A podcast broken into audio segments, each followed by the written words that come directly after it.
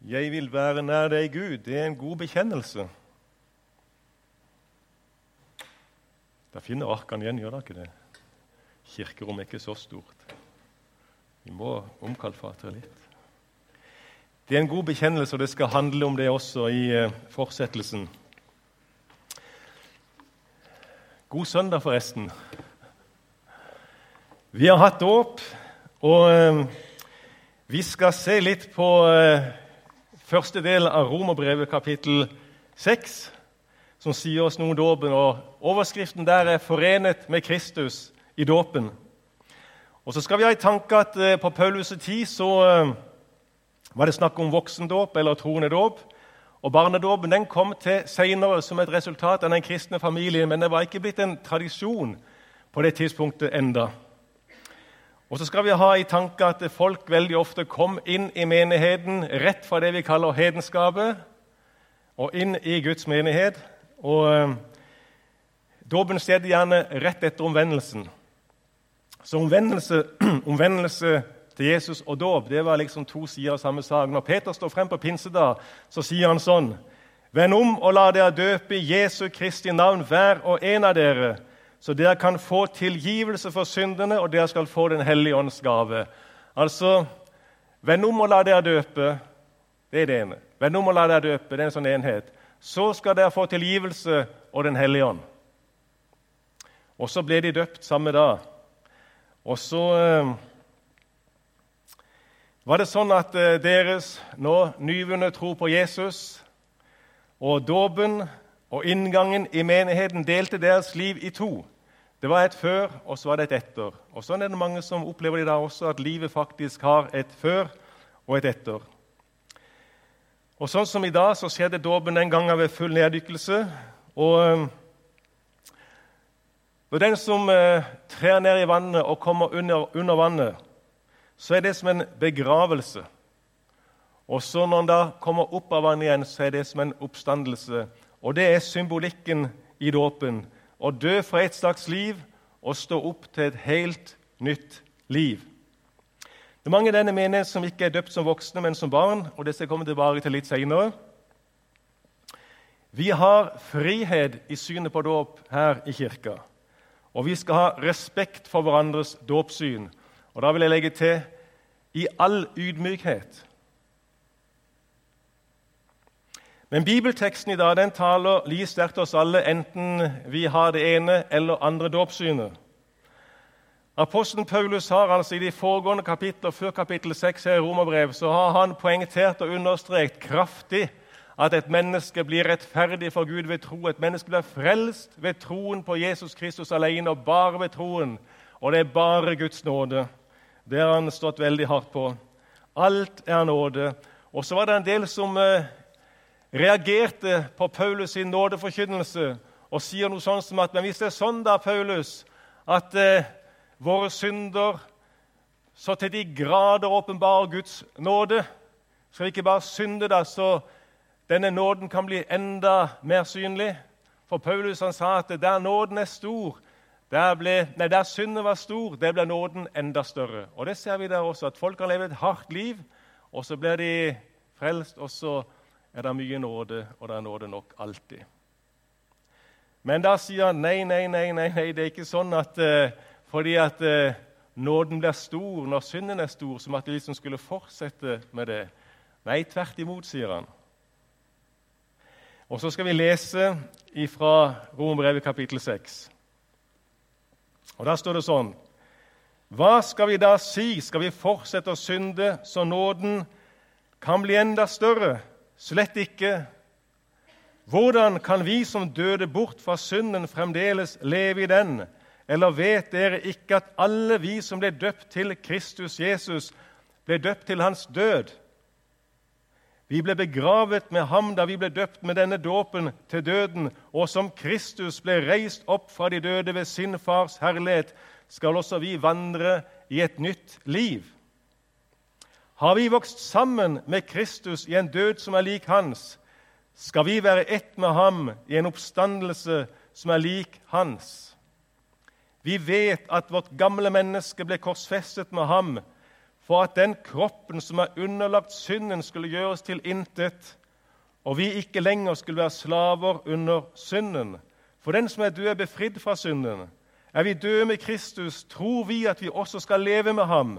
Vi vet jo at når Kristus er oppreist fra de døde, så dør han ikke mer. Døden har ikke lenger makt over ham. For døden, han døde, den døde han for synden en gang for alle. Men livet han lever, det lever han for Gud. På samme måte skal dere regne dere som døde for synden, men som levende for Gud i Kristus Jesus. Det er et veldig kompakt avsnitt. Du kjente det? Det er ikke lett å holde tråden i det. Vi skal Hvis vi skulle pakke ut dette, så hadde vi trengt flere bibeltimer. Og vi har ikke den tida nå.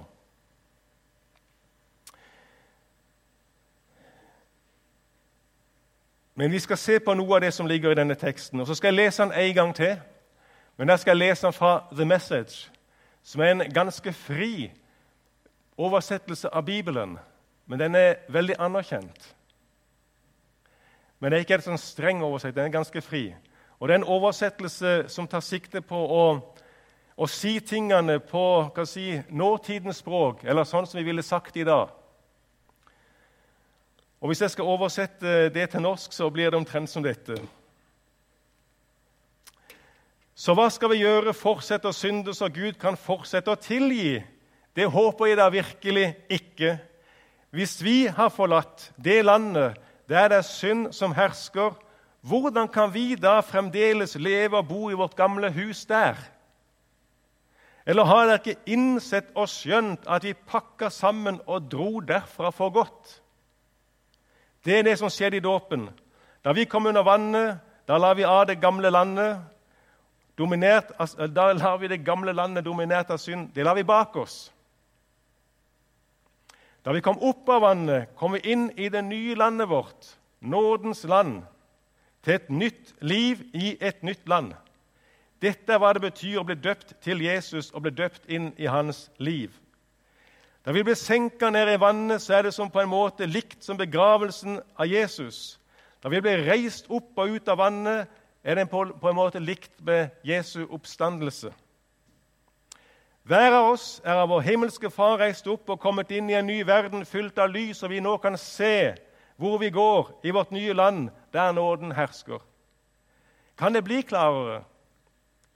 Vårt gamle liv, vår gamle måte å leve på, ble nagla til korset med Jesus Kristus, en definitiv og endelig slutt på et liv preget og dominert av synd. Altså, Det vi tror, er dette Altså, Jeg leser fremdeles den oversettelsen.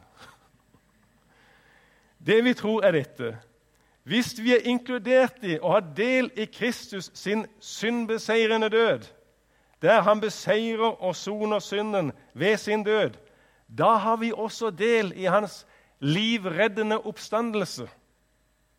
Vi vet at da Jesus ble oppreist fra døden, så fortalte det nemlig at nå er det slutt på at døden har siste ord. Aldri mer skal døden ha det siste ordet. Da Jesus døde, tok han all verdens synd med seg ned i døden. Men som levende bringer han Gud ned til oss. Så fra nå av, tenk på det på denne måten. Synden snakker et dødt språk som ikke betyr noen ting for dere, som ikke gir noen mening. Gud snakker ditt morsmål, og du forstår hvert ord. Dere er døde for synden, men levende for Gud. Det er hva Jesus gjorde. Sitat slutt. Interessant oversettelse. Og Dette som vi leste her, det er egentlig poenget.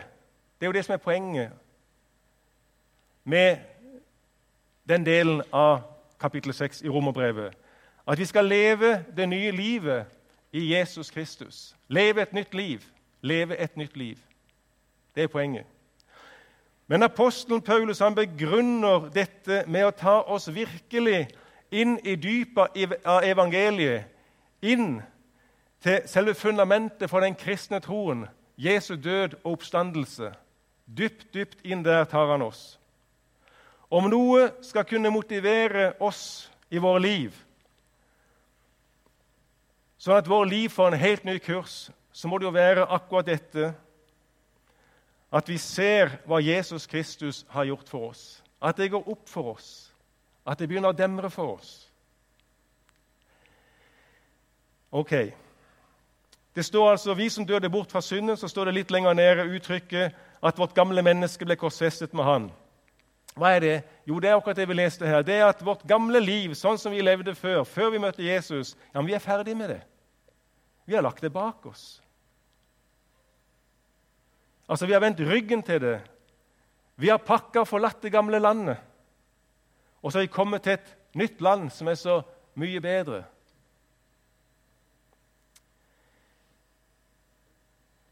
Så er det ikke alle som har en sånn omvendelse i voksen alder. Men dette gjelder oss alle sammen uansett, for det handler om våre liv. Det er mange som alltid har vært kristne, fra de var født, liksom. Og det er det beste. Det vil jeg påstå. Det er det aller, aller beste å kunne ha levd sånn.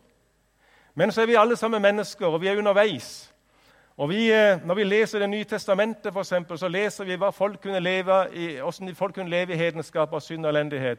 Eller når vi ser omkring oss i samfunnet og ser at uh, det er mange dårlige valg, mange dårlige verdier og mye som drar oss mennesker ned. Eller vi kjenner bare etter i vårt eget liv. Vi trenger ikke å gå lenger enn det så vet vi hva det snakkes om her. Det er mye som vil dras dra oss ned, og Bibelen kaller det synd fordi at det ødelegger, det forvitrer vårt indre menneske og ødelegger vårt liv. Så hvis du har levd sånn, så skal vi få lov til å legge det bak oss, sier Bibelen her.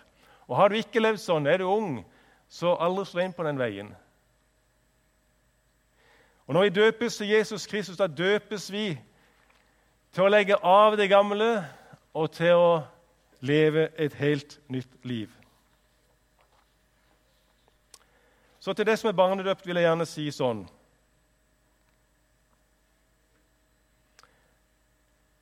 Vær glad og takknemlig for at noen en gang bar deg til dåpen.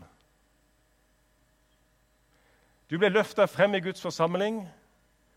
Du løfta frem innenfor Gud. Du ble tegna med korsets tegn. Du ble bedt for, og det ble lyst Guds velsignelse over ditt liv. Om du har levd sånn siden da, eller om du er kommet til tro seinere i livet, så eh, Tenk over om, om du skal verdsette det at du faktisk ble døpt en gang, og at det er din dåp. Og Nå har du jo i alle fall valgt Jesus og vil leve med han. Om du kjenner det sånn at det er ting som gjør at du ikke kan lande i en sånn forståelse, så ta kontakt med oss pastorer. Går det an å si det sånn? Jeg tror det. I Misjonsforbundet og mange andre kirker og trossamfunn så, så, så, tror ikke vi på gjenfødelse og at frelsen skjer i dåpen. Men her er veldig ulike syn på dette i Guds kirke på jord. I Misjonsforbundet tror vi altså ikke at dåpen som sådan sikrer oss det som dåpen beskriver eller tilkjennegir. Men dåpen beskriver hva som skjer mellom et menneske og Jesus Kristus når vi kommer til tro. Og Hvorfor tenker vi sånn? Jo, det er mange tekster i Bibelen som, som gjør det. Men bare her i Romerbrevet så har Paulus nå i de tre foregående kapitler kjempa og poengtert og understreket at vi mennesker frelses ved troen alene, og bare ved tro, uten gjerninger. Og det er Guds nåde, og det er troen alene som frelser. Det ville være utenkelig at Paulus nå liksom bare snur helt om og så begynner å motsi seg sjøl eller dementere det han har sagt, og si noe sånt som at vel, egentlig er det sånn at når alt kommer til alt, så blir vi frelst ved å bli døpt. Det sier han ikke. Når vi døper barn her i kirka, så døper vi det ikke for at de skal bli frelst i dåpen, at de skal bli Guds barn, men vi tror at de allerede er Guds barn i kraft av Jesu forsoning. Og så må vi si det er mye mer å si om dette, men det kan vi si ganske kort nå. Og så er det greit for du som er ny i kirka, å vite hva vi står for her. Ok, Så det å dø bort fra synden Hva er det? Eller det at eh, det gamle mennesket ble korsfesta med Kristus. Det betyr altså ikke at vår syndige natur i oss, vår gamle natur i oss, dør. Det er ikke den som ble korsfesta med Kristus. Og du som er en gammel bibelleser, må ikke blande dette med Galaterne 5. Men det er en parentes. Det betyr det vi har sagt, at vi legger det gamle livet bak oss.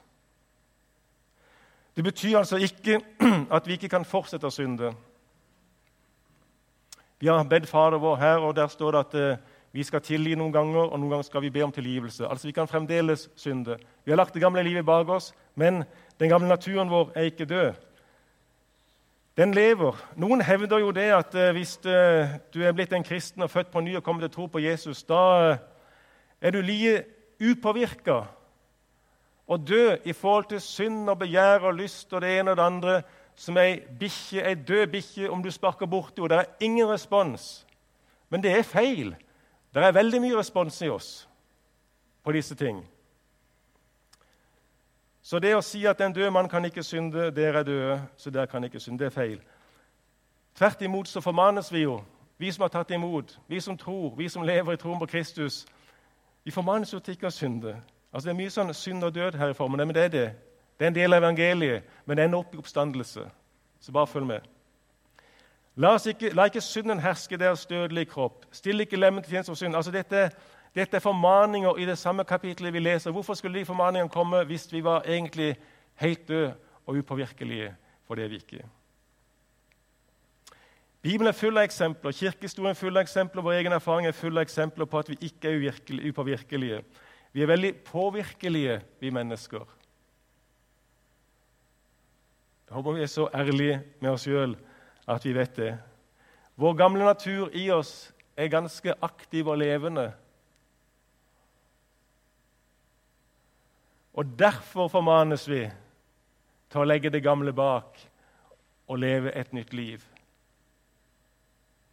Så skjer det allikevel at vi sier og gjør ting som vi ikke skulle, og så angrer vi på det. og Da er evangeliet der og sier at dersom vi bekjenner våre synder, da han for så rettferdig, så han tilgir synd og renser oss fra all urett. Og så reiser vi oss, og så går vi videre. Jesus er realistisk. Han sier det at Når disiplene sier 'hvordan skal vi be', lær oss å be, så sier han sånn skal dere be. Og så lærer han oss 'vår far' eller 'Fader vår', og så sier han der et sted at sånn skal dere be. Be sånn. La oss ikke komme i fristelse, men frels oss fra det onde. Frist, fristelse, det er en del av livet. hva? Evangeliet er det som er realistisk. Appellen i det vi snakker om, det er jo sånn at vi skal stå imot det og gi etter for fristelse. Altså, Vi skal yte motstand mot dette. Vi kjenner at den er der, men vi skal velge å stå det imot så langt vi kan. Vi skal velge å stå imot og la livet vårt domineres av den del av kulturen omkring oss som drar oss bort fra Gud.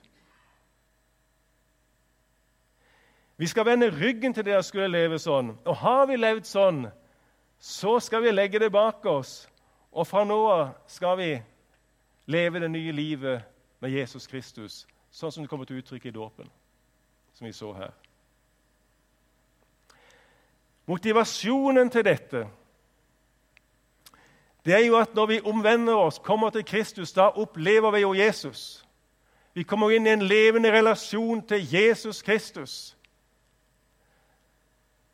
Vi får bli kjent med han, begynne å leve med han, begynne å merke det at uh, han vil oss vel, begynne å merke det at han elsker oss, og vi begynner etter hvert å elske han igjen.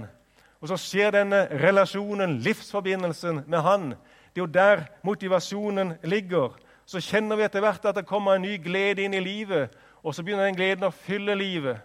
Og så er vi liksom i gang. Og der ligger jo vår motivasjon til å liksom si farvel til det som var. Eller aldri slå inn på det hvis du er ung og kjenne at ja, men det er det jeg vil ha. Sånn som vi sang her. Det er det vi vil. Leve nær Han.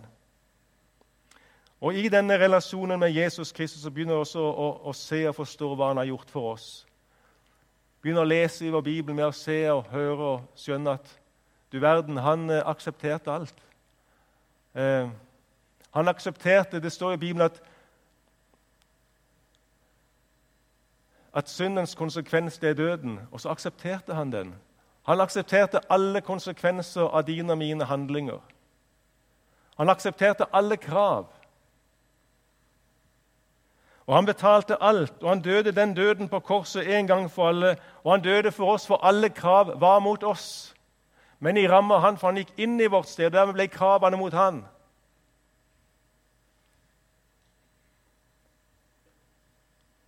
Og han betalte alt i stedet for oss. Det kosta han alt. Han gjorde en gang for alle. Han gjorde det for oss. Og Hvis du spør han, ja, hvorfor gjorde du det, så svarer han det at jeg gjorde det fordi jeg elsker det. Jeg har alltid elsket det fra evighet, av. jeg kommer alltid til å elske det uansett. Og du kan ikke gjøre noen ting i ditt liv som skulle gjøre at jeg skulle elske deg mindre.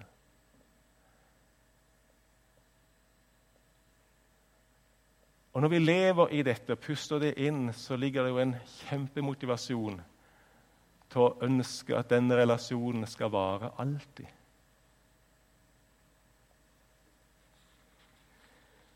Resultatet da, er jo det at når synden er sona og alle krav er betalt, så har ikke synden noen flere krav på han lenger. Ja, men hadde den det før? Kravene var jo mot oss, men han gikk inn i vårt sted, så da ramma kravene han. Bibelen han ble gjort til synd for oss.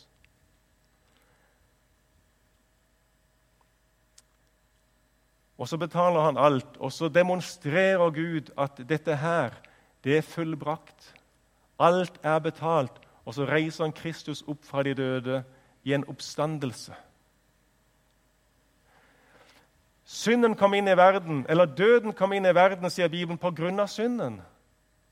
Og når synden blir gjort opp med, da er døden også gjort opp med, og den får aldri siste ordet mer. Og Derfor ender hele greia i en oppstandelse fra de døde. Og har vi del med Jesus Kristus i hans død, at han var der for oss, så har vi del med han i oppstandelsen fra de døde. Derfor begynte ditt liv med Jesus det begynte med en oppstandelse fra de døde. Tenk på det sånn. Mitt liv med Jesus begynte med en oppstandelse. Jeg er blitt opp, oppreist og oppstått med Kristus. Det er utenkelig at det skulle gå tilbake igjen. Og Det som skjedde mellom du og Jesus da du kom til tro, det synliggjøres i dåpen. Så eh, vi oppfordres altså her i kapittel 6 til å stå fast på den avgjørelsen.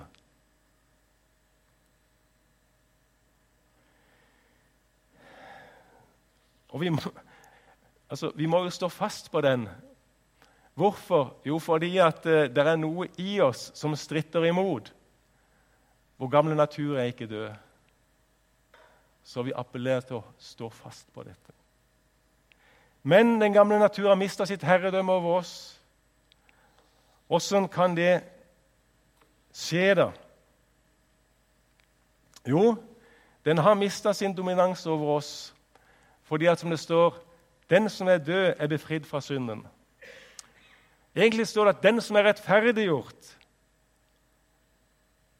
Altså Den som er dødd, har blitt rettferdiggjort fra sin synd, eller erklært rettferdig. Den som er død, er blitt erklært fri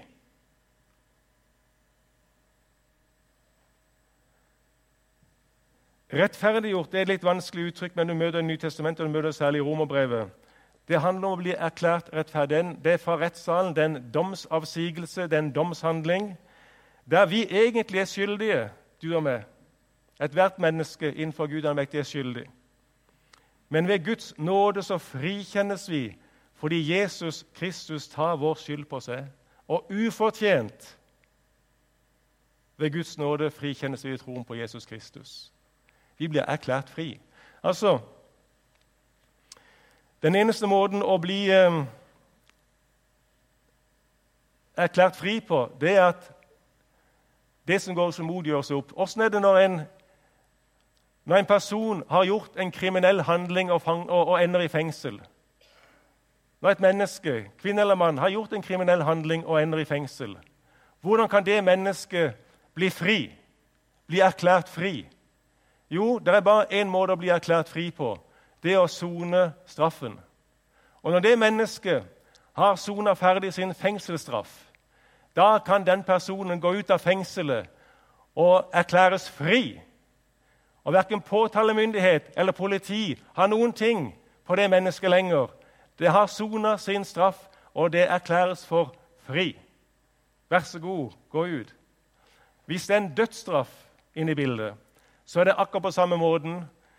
Det er ingen vei utenom at den må, den må sones. Og når den er blitt sona, når den eh, er blitt fullbyrda, så kan jo ikke den personen leve videre her på jord. Det er det som ligger nærmest det som er tilfellet med oss mennesker. Hvis konsekvensen av synd er død, og ikke bare fysisk, men en evig død borte fra Gud, så er vi der. Men hvordan kan vi da bli erklært fri? Vi kan jo leve vårt liv videre. Jo, fordi at Kristus går inn i vårt sted. Og han opplever det når han roper på korset. 'Men Gud, men Gud, hvorfor har du forlatt meg?' Så er han der. Og vi går fri. Derfor begynner vårt liv med en oppstandelse.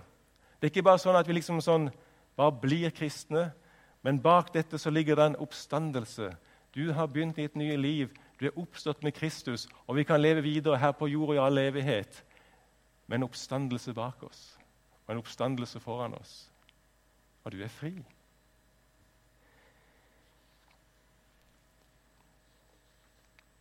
Alt er gjort opp. Domsavsigelsen ender med en oppstandelse. Og det er i denne betydningen, i denne betydningen at vårt syndige jeg, vår gamle natur, har mista sin makt over oss, og vi er blitt satt fri.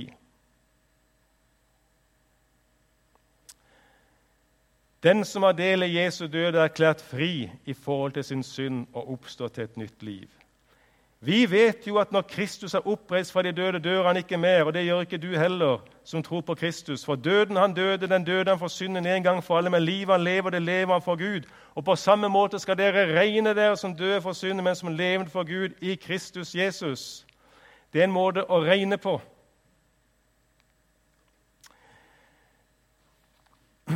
Ja, du og meg, vi kan slå inn på en annen vei gjennom livet. Det er mulig.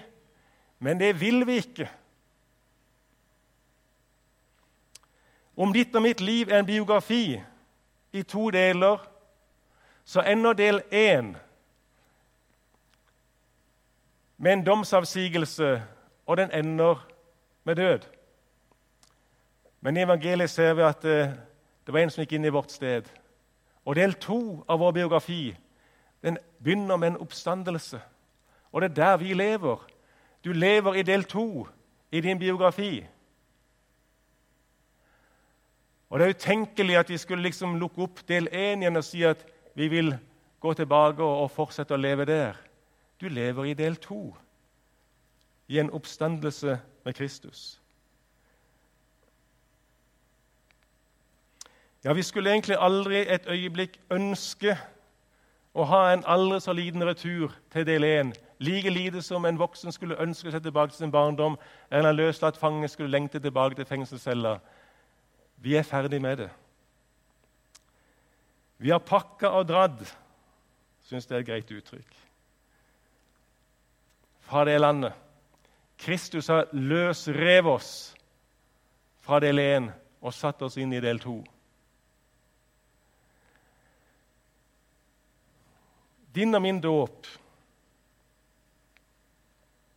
Den står mellom det gamle og det nye som ei dør mellom to rom. Om vi går tilbake til Peter og omvendelse og dåp. Den står der som ei dør mellom to rom, din og min dåp, og så lukker den døra til det ene rommet. Det ligger bak oss, og så åpner han døra til et helt nytt rom. Til et nytt liv, til et nytt land og det landet, ja, men det er Jesus Kristus og livet med Han.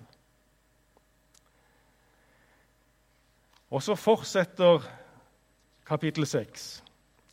Men regnestykket som du og jeg har fått, det er et, eh, det er et flott regnestykke.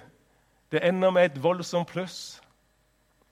regne oss som døde for synden, men som levende for Gud. Kan du stå opp hver morgen og se deg selv i speilet kan du si til den du ser i speilet, du er levende for Gud i dag. Så kan vi gå ut i hverdagen. Og Så fortsetter dette kapittelet 6 med å fortelle oss at å regne sånn, det vil si at vi også kommer inn i tjeneste for Gud. Og det bevarer oss på den kursen å være i det. Ok. Amen.